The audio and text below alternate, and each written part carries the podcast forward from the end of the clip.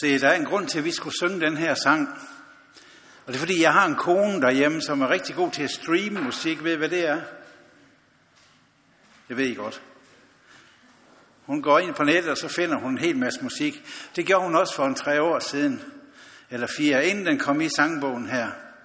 Og så sad jeg en aften derhjemme i sofaen og, og lyttede til noget af hendes musik, hun har streamet, og så sang de den her. Og det, jeg lagde mærke til allerførst, det var det, som der synges i omkvædet i anden linje. Kristus blev ramt for os. Sådan synger man den ikke på engelsk. Det var nemlig på engelsk, hun downloadede den, for den er fra England. Og øh, der synger man i stedet for, Kristus blev gjort til synd for os. Og det synes jeg, det var så stærkt, at han blev gjort til synd for mig. Og det er det, vores aften den handler om i aften. Derfor skulle vi synge den her sang. Og det, der står i den her sang, det skulle gerne være det, der bliver indholdet her i aften. Så skal vi læse, vi skal læse nogle vers fra Rombrev kapitel 3. Der må I gerne slå op, hvis I har en bibel med. Der står, men nu er kapitel 3 fra vers 21. Der står, men nu er Guds retfærdighed åbenbart uden lov. Bevidnet af loven og profeterne, Guds retfærdighed ved tro på Jesus Kristus for alle, som tror. Der er ingen forskel, for alle har syndet og har mistet herligheden fra Gud, og ufortjent gøres de retfærdige af hans nåde ved forløsningen i Kristus Jesus.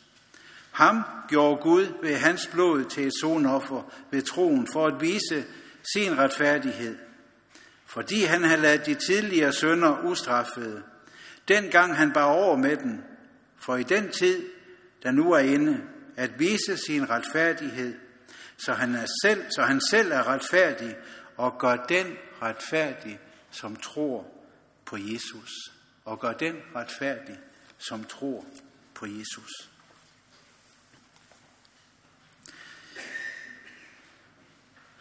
Se i Gyldendals leksikon, der kan man læse at, om forsoning, at forsoning er genoprettelse af et fællesskab mellem to parter, der står i et fjendtligt eller et skyldbetinget forhold til hinanden.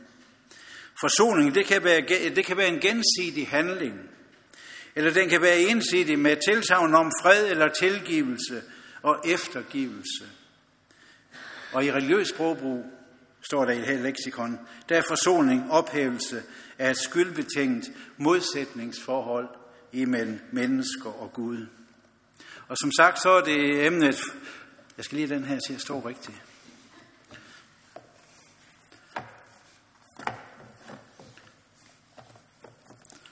Sådan der.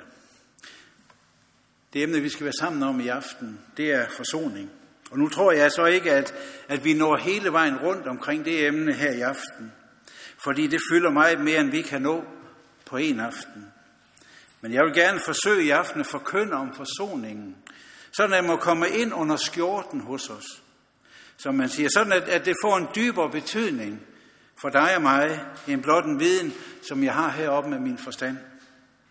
For sidder vores viden om forsoningen kun heroppe, så har vi desværre ingen gavn af den, du og jeg. Den kristne forsoning skal tros med hjertet. For vi kan ikke forstå fuldt ud, hvad der sker i forsoningen, hvis ikke den bliver flyttet herfra og så herned.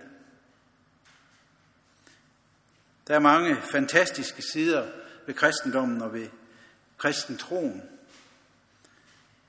Men jeg mener, at forsoningens budskab er det mest fantastiske. Og det er det budskab, der formår at forvandle dit og mit liv allermest.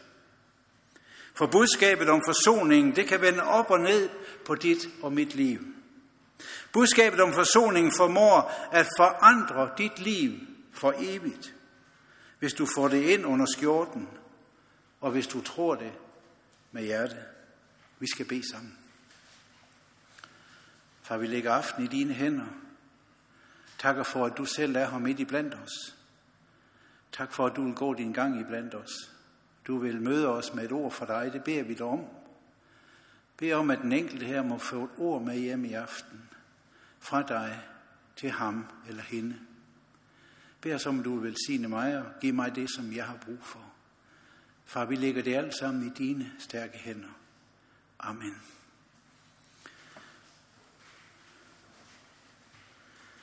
Til forsoningstanken har et, et omfattende indhold. Men den centrale betydning for forsoningstanken, det er, at Guds vrede over synden vendes bort fra et menneske, så menneske kan leve uden skyld i et fællesskab med Gud. Det er forsoningstanken.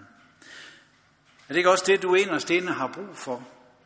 Længes du ikke efter at kunne hvile i vidstheden om, at du har en far i himlen, der elsker dig, og som kun vil dig det bedste?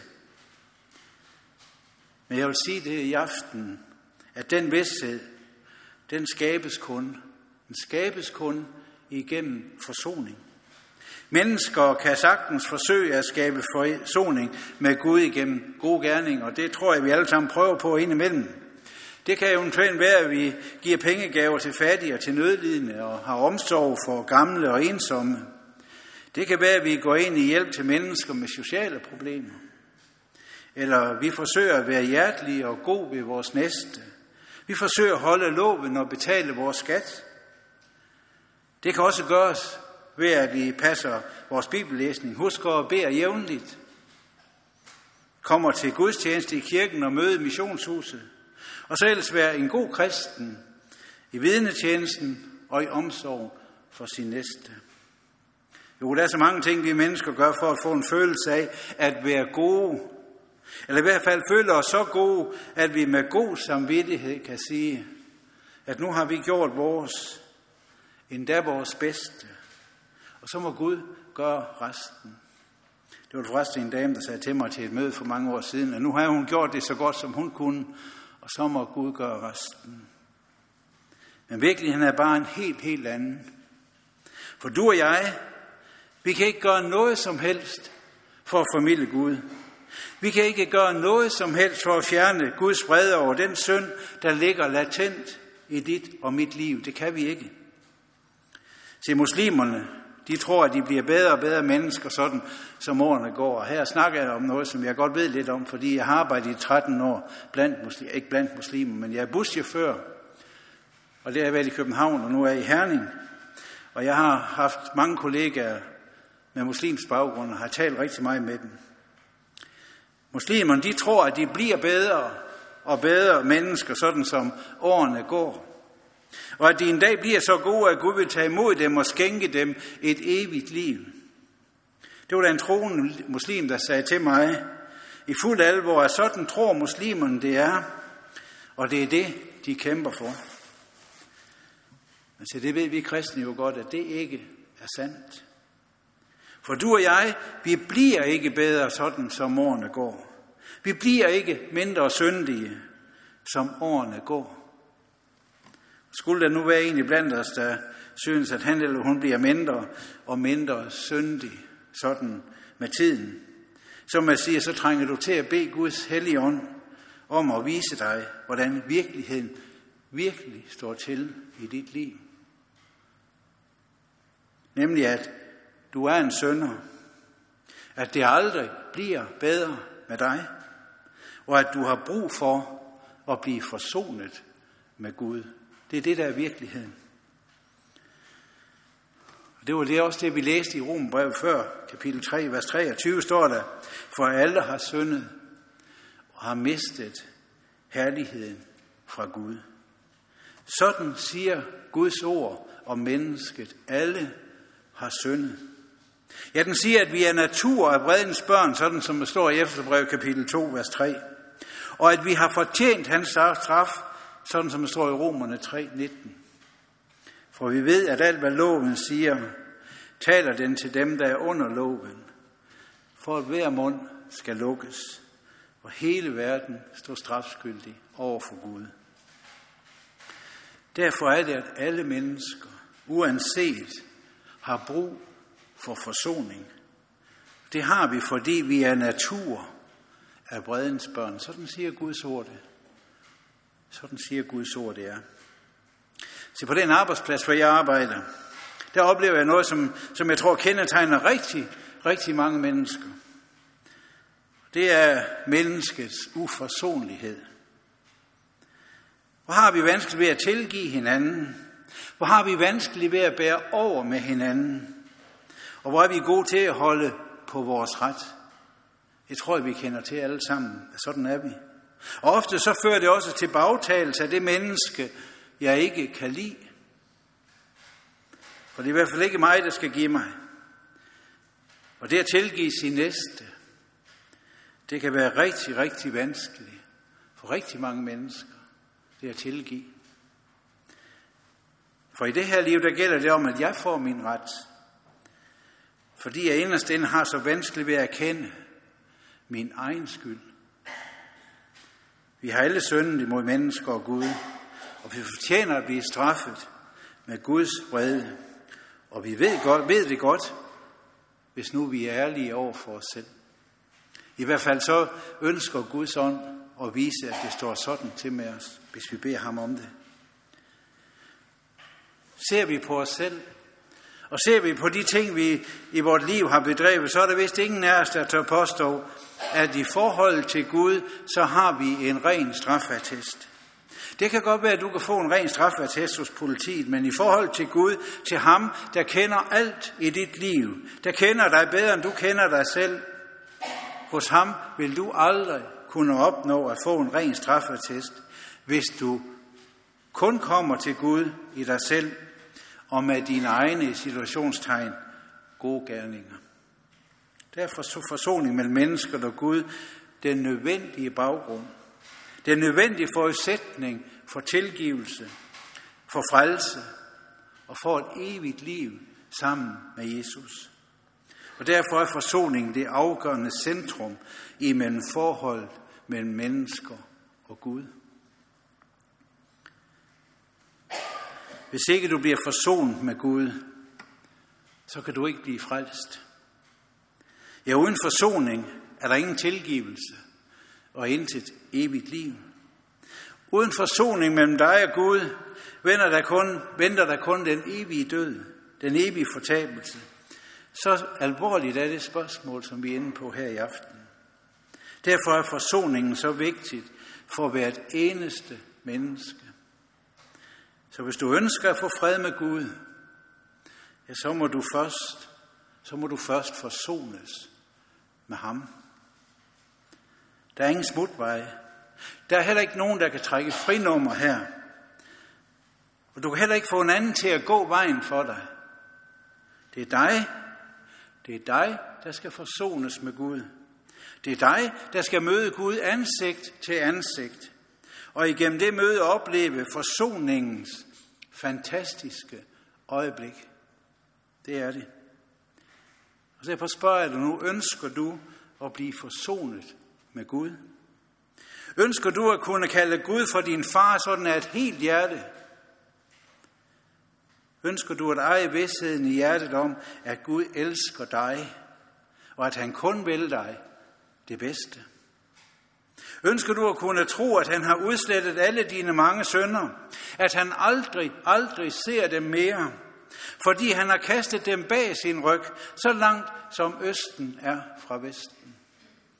Ønsker du, at den fred og den tro skal bo i dit hjerte? Ja, så må du først forsones med Gud. For hvis ikke det sker, så finder du aldrig fred med Gud. Det er sikkert og vist. Og jeg ved godt, at det her det kan være hårde ord for den, for det menneske, der ikke er blevet forsonet med Gud. Det ved jeg godt, det kan det være.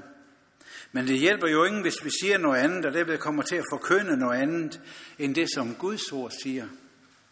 Der er mange, der fra prædikestolen i dag går Gud til en, der ikke længere har en holdning til tingene.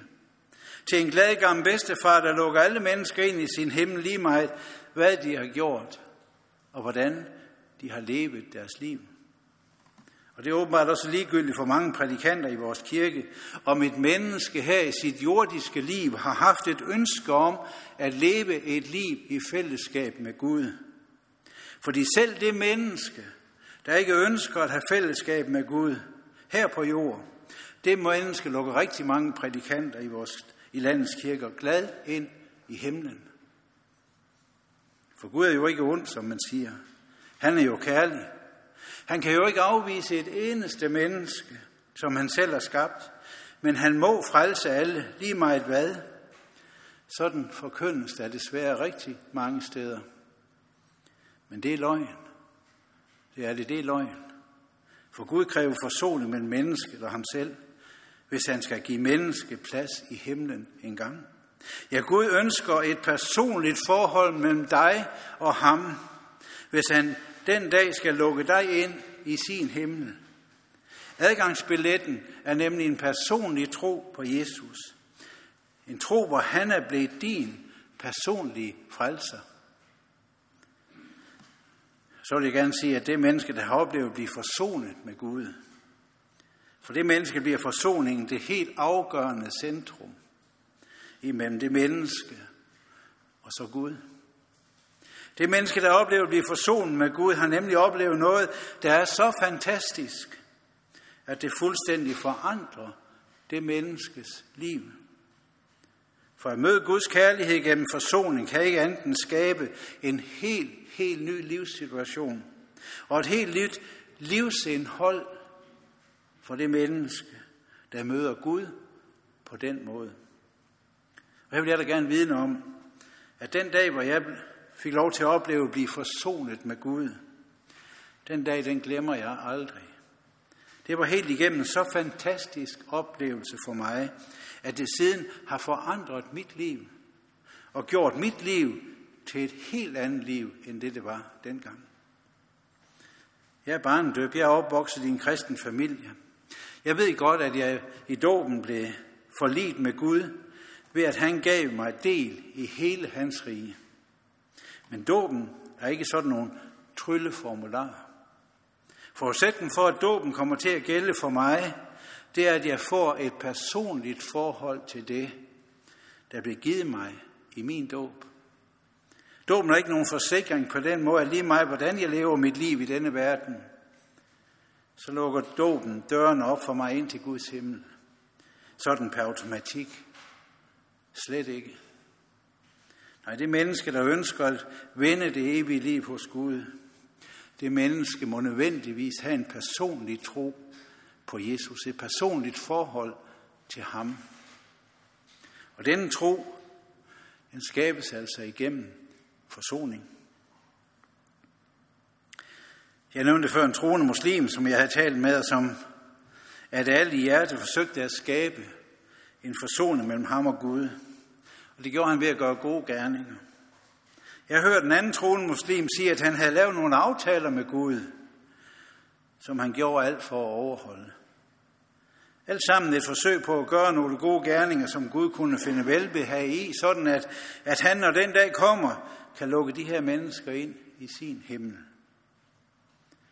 Og her er den store afgørende forskel på ikke-kristne religioner og så kristentroen, kristendommen. For det helt afgørende, det helt afgørende i Bibelens tale om forsoning, det er, at det er Gud selv, det er Gud selv, der skaber denne forsoning mellem mennesket og ham. Her kan vi mennesker lige så godt opgive med det samme. For vi fornår aldrig, du og jeg, aldrig i evighed at blive så gode, at Gud kan lukke os ind i sin himmel. Det formår vi aldrig i os selv. Og muslim vil aldrig komme til at opleve det fantastiske, som en kristen oplever igennem forsoningen, nemlig at blive gjort skyldfri. At få fjernet sin skyld ufortjent er bare noget. Det er altså kun i kristendommen, man kender til det. At få fjernet sin skyld er bare noget. I alle andre religioner skal man forsøge at arbejde sig dertil igennem gode gerninger. Men når aldrig dertil, hvor man af hjertet kan bekende, jeg er frelst. For hvornår har de gjort nok? Hvornår har de gjort nok? Ja, det spørgsmål må være i alle de mennesker, der selv forsøger at skabe forsoning ved gode gerninger. Hvornår har jeg gjort nok? Hvornår har jeg gjort nok til, at Gud vil lukke mig ind? Hvornår?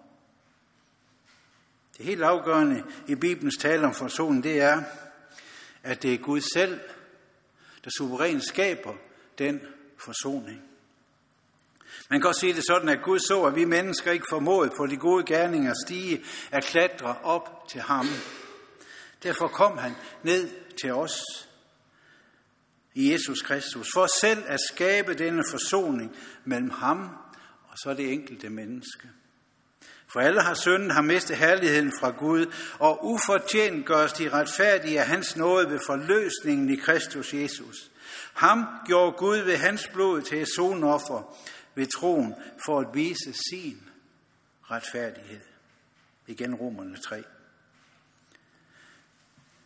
Forsoning i bibelsk betydning, det er, at den skyldige offres.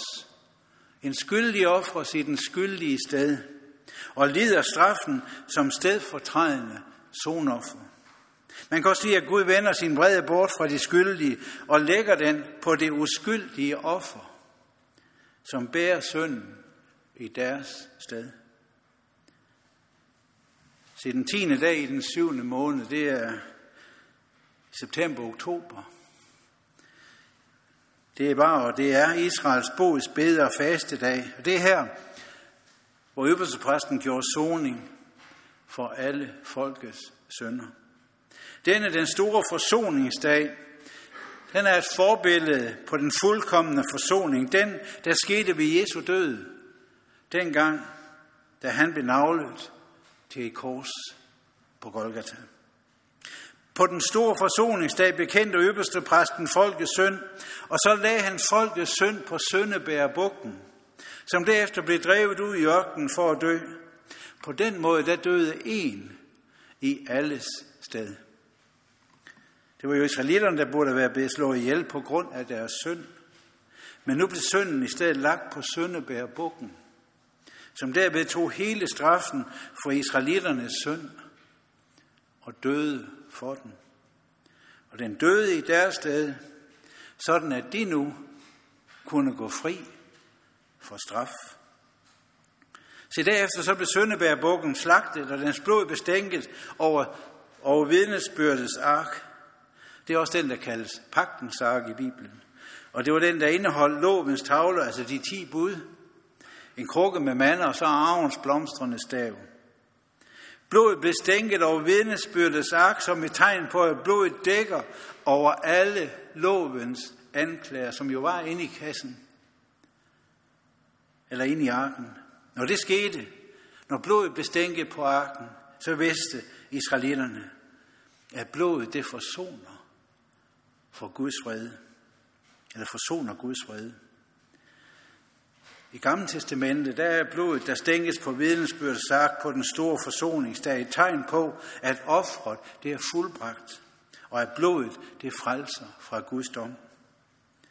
Tænk også på den første påske, altså lige før israeliternes udbrækning af fangenskabet i, i Ægypten. Ved den sidste plage, den tiende plage, der hvor Gud sender dødens engel for at slå alt det første fødte ihjel, blandt, både blandt mennesker og dyr.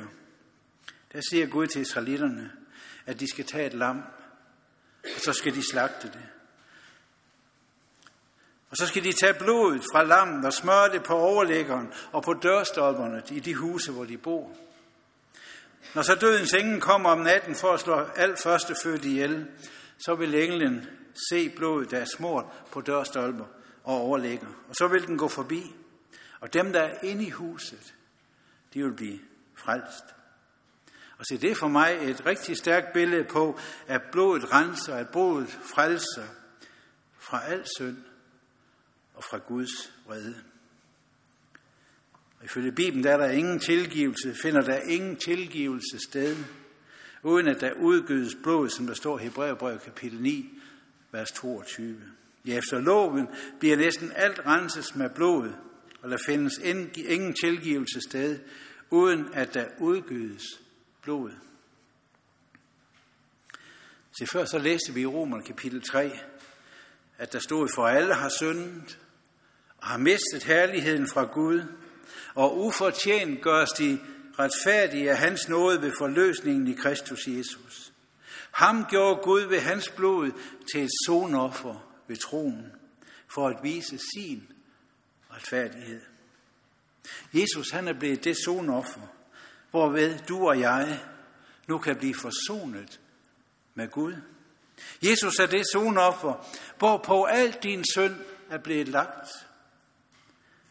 Det var også det, Johannes Døber. Det var, også, det var jo også Johannes Døbers vidensbyrd. Den dag, hvor han, hvor han møder Jesus ved Betania, så siger han, eller råber det ud og peger på, om det er sikker på, at han gjorde. Se, der er Guds lam, som bærer verdens synd. Det var Johannes Døbers vidnesbyrd om Jesus. Se Guds lam, som bærer verdens synd. Og se, nu er vi her. Nu er vi her, hvor du kan finde dit forsoningspunkt. Eller forsoningssted, hvis man kan sige noget sådan. Nu er vi her, hvor du har muligheden for at se, at du er blevet forsonet med Gud. Hvor du har mulighed for at se, at han har gjort alting vel for dig. Nu er vi her, hvor du får mulighed for at bøje dine knæ, og så bogstaveligt talt ved korsets fod hos Jesus. Bed Gud tilgive dig alle dine mange sønder.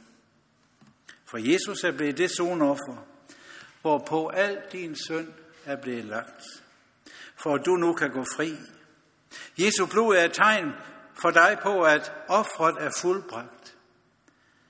At blodet frelser fra Guds dom og forsoner Guds vrede.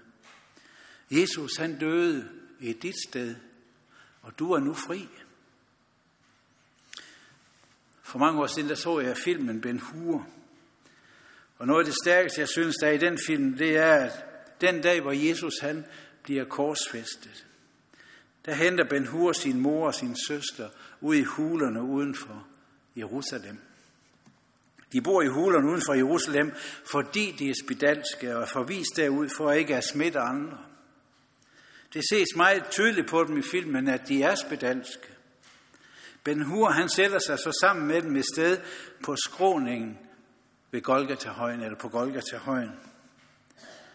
Da Jesus så bliver korsfæstet, så bliver der stillet skarp på det nederste af korset og på Jesu fødder. Det regner, man ser, at vand og blod kommer løbende ned af Jesu ben og ned af korset og videre ned på jorden og begynder at løbe ned af Golgata-højen. Da blodet og vandet passerer det sted, hvor Ben Hur, hans mor og søster, spedalske søster, sidder, der ser man tydeligt, at deres spedalskhed det forsvinder i et nu. Så er det borte. For mig blev det et fantastisk billede på, at Jesu blod, det renser fra al synd. Så nu vil jeg så gerne spørge dig, har du været der, hvor du har set dig selv som en fortabt sønder? Har du været der, hvor du har bedt Gud om at tilgive dig din synd? Har du været der, hvor du nogen, har du nogensinde været der, hvor du af hjertet har måttet råbe til Gud om frelse? Jeg har du nogensinde været i den situation, hvor det er gået op for dig, at det er din synd, det er din synd, der skiller dig fra fællesskab med Gud og hans kærlighed. Du har nu muligheden, for nu er vi her, hvor du har muligheden for at bøje dine knæ og bogstaveligt tale ved korsets fod hos Jesus. Bed Gud tilgive dig alle dine mange synder. Det er nemlig her ved korsets fod hos Jesus, at du finder forsoning med Gud. For uden Jesus ingen forsoning. Uden Jesus ingen frelse. Jesus er blevet det sonoffer, hvorpå al din synd blev lagt, for at du nu kan gå fri. For at du kan få din synd tilgivet, og for at du kan finde fred med Gud. Jeg synes personligt, at det er så fantastisk, at jeg på grund af Jesu død og på grund af hans opstandelse nu kan se på Gud som en far. Som en far, der elsker mig. Det kunne jeg ikke, inden jeg blev kors forsonet med Gud. Der var Gud min dommer. Der var han en dommer, der måtte forkaste mig på dommens dag til, til den evige død.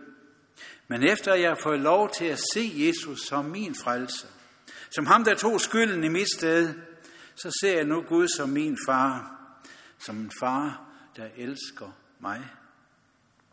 Det gør jeg, fordi Jesus er den, der er gået ind imellem Gud og mig, og har taget skylden for al min synd. For end ikke menneskesønnen er kommet for at lade sig tjene, men for selv at tjene, og for at give sit liv som løsesum for mange, står der i Markus evangeliet. Og han tog et bære og takkede, gav dem det og sagde, drik alle heraf, det der er mit blod, pagtens blod, som udgydes for mange til syndernes forladelse.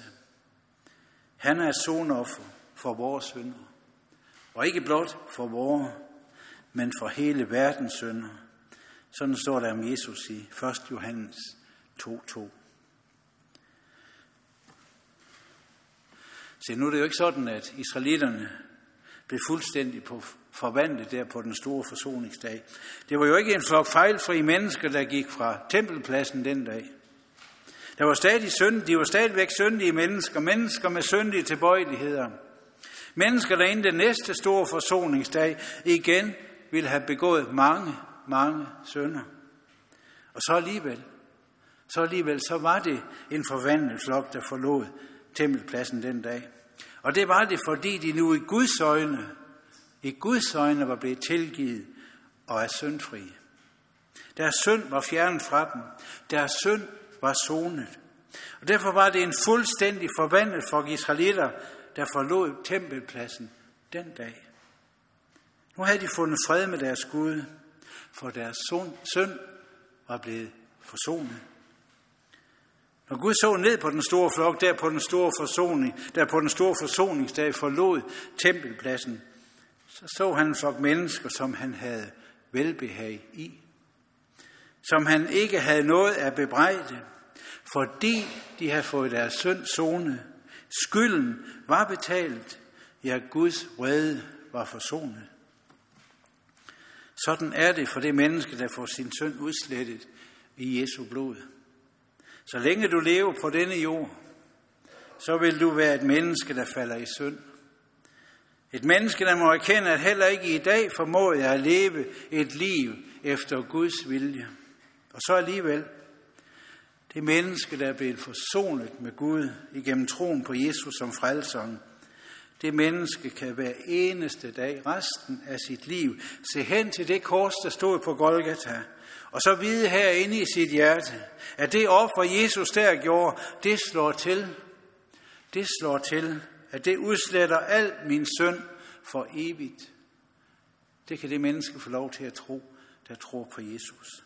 Det menneske, der tror på Jesus, som ser hen til korset, det menneske ved, at nu er Gud forsonet. Nu er skylden betalt. Offret er fuldbragt, og Jesu blod frelser fra Guds dom og forsoner Guds vrede. Så den store forsoningsdag, den skulle gentages år efter år. Igen og igen skulle øverste præsterne frembære folkets sønder. Igen og igen skulle øverste præsterne lægge folkets sønder på bukken, som derefter skulle jages ud i ørkenen for at dø. Igen og igen skulle blodet fra den slagte buk stænkes på vidnesbyrdes ark, for at israelitterne kunne vide, at blodet forsoner Guds vrede. Men med Jesu offer på korset på Golgata, der er Guds vrede blevet forsonet en gang for alle. Det offer, Jesus bragte på korset på Golgata, det skal aldrig, aldrig gøres om, for det slår til for evigt. I Hebræerbrevet står der blandt disse dejlige vers om Jesu offer. For sådan en øverste præst trængte vi til. En, der er hellig, uskyldig, ren, skilt ud fra sønder og ophøjet over himlene. En, der er ikke som de andre øverste præster er nødt til hver dag at bringe ofre. Først for sine egne sønder, og så for folkets. For det har han gjort. En gang for alle, da han bragte sig selv som offer. Og Hebræerne 9.12, og ikke med blod af bukke og kalve, men med sit eget blod, gik han en gang for alle ind i det allerhelligste og vandt en evig forløsning. Og se, det er den store forskel på den store forsoningsdag og så Jesu offer. For Jesus har ved sit offer på Golgata vundet en evig forløsning for hvert eneste menneske, der i hjertet tror på ham. Din søn er udslettet. Din søn er fjernet fra dig. Og Guds vrede er forsonet én gang for alle. Det skete på Golgata. For det Jesus der gjorde, skal aldrig, aldrig gøres om. Altid kan du se hen til korset, og så kan du vide det i dit hjerte. Det slår til. Det slår til. Guds vrede er forsonet, og min synd, den er tilgivet. I Esajas kapitel 53, vers 4-6, der står der, men det var vores sygdomme, han tog. Det var vores lidelser, han bar. Og vi regnede ham for en, der var ramt, slået og plaget af Gud. Men han blev gennemboret for vores overtrædelser og knust for vores synder. Han blev straffet for, at vi kunne få fred. Ved hans sår blev vi helbredt. Vi flakkede alle om som får, vi vendte os hver sin vej, men Herren lod al vores skyld ramme ham. Jeg valgte at afslutte med at citere de her dejlige vers fra Esajas' bog, fordi jeg synes, de er så fantastiske. Og lad det bare stå her til slut, det som Esajas siger, og som jo er en profeti om Jesus. At han bar vores lidelser. At han blev gennemboret på korset for vores overtrædelser. Og knust for vores sønders skyld. Ja, han blev straffet af Gud for, at du og jeg kan få fred. Og Herren lå al vores skyld ramme ham. Hvis du vil vide, hvad forsoning er, så se på Jesus på korset og vid, at der finder du alt. Der finder du alt, hvad du har brug for, for at blive forsonet med Gud. Fordi det, som Jesus gjorde der, det gælder også for dig. Det gælder også i dag. Det gælder for dit liv. Dig, som tror på ham. Amen. Og Jesus, det beder vi sådan om. At vi må få noget til at tro det med hjertet, det som du har skænket os. Igennem din lidelse, din død og din opstandelse. Tak, at du tog al vores skyld, al vores synd, al vores dårligdom på dig. Tak, at du bar det op på korset. Tak, at du lod dig navle til det i vores sted. Du gik ind under Guds straf og tog den i vores sted. Du satte os fri, det takker og priser vi dig for. Og tak, at vi i troen på dig er fri for evigt. Tak, Jesus, at du har lovet os, at det holder det, som du gjorde i al evighed. Amen.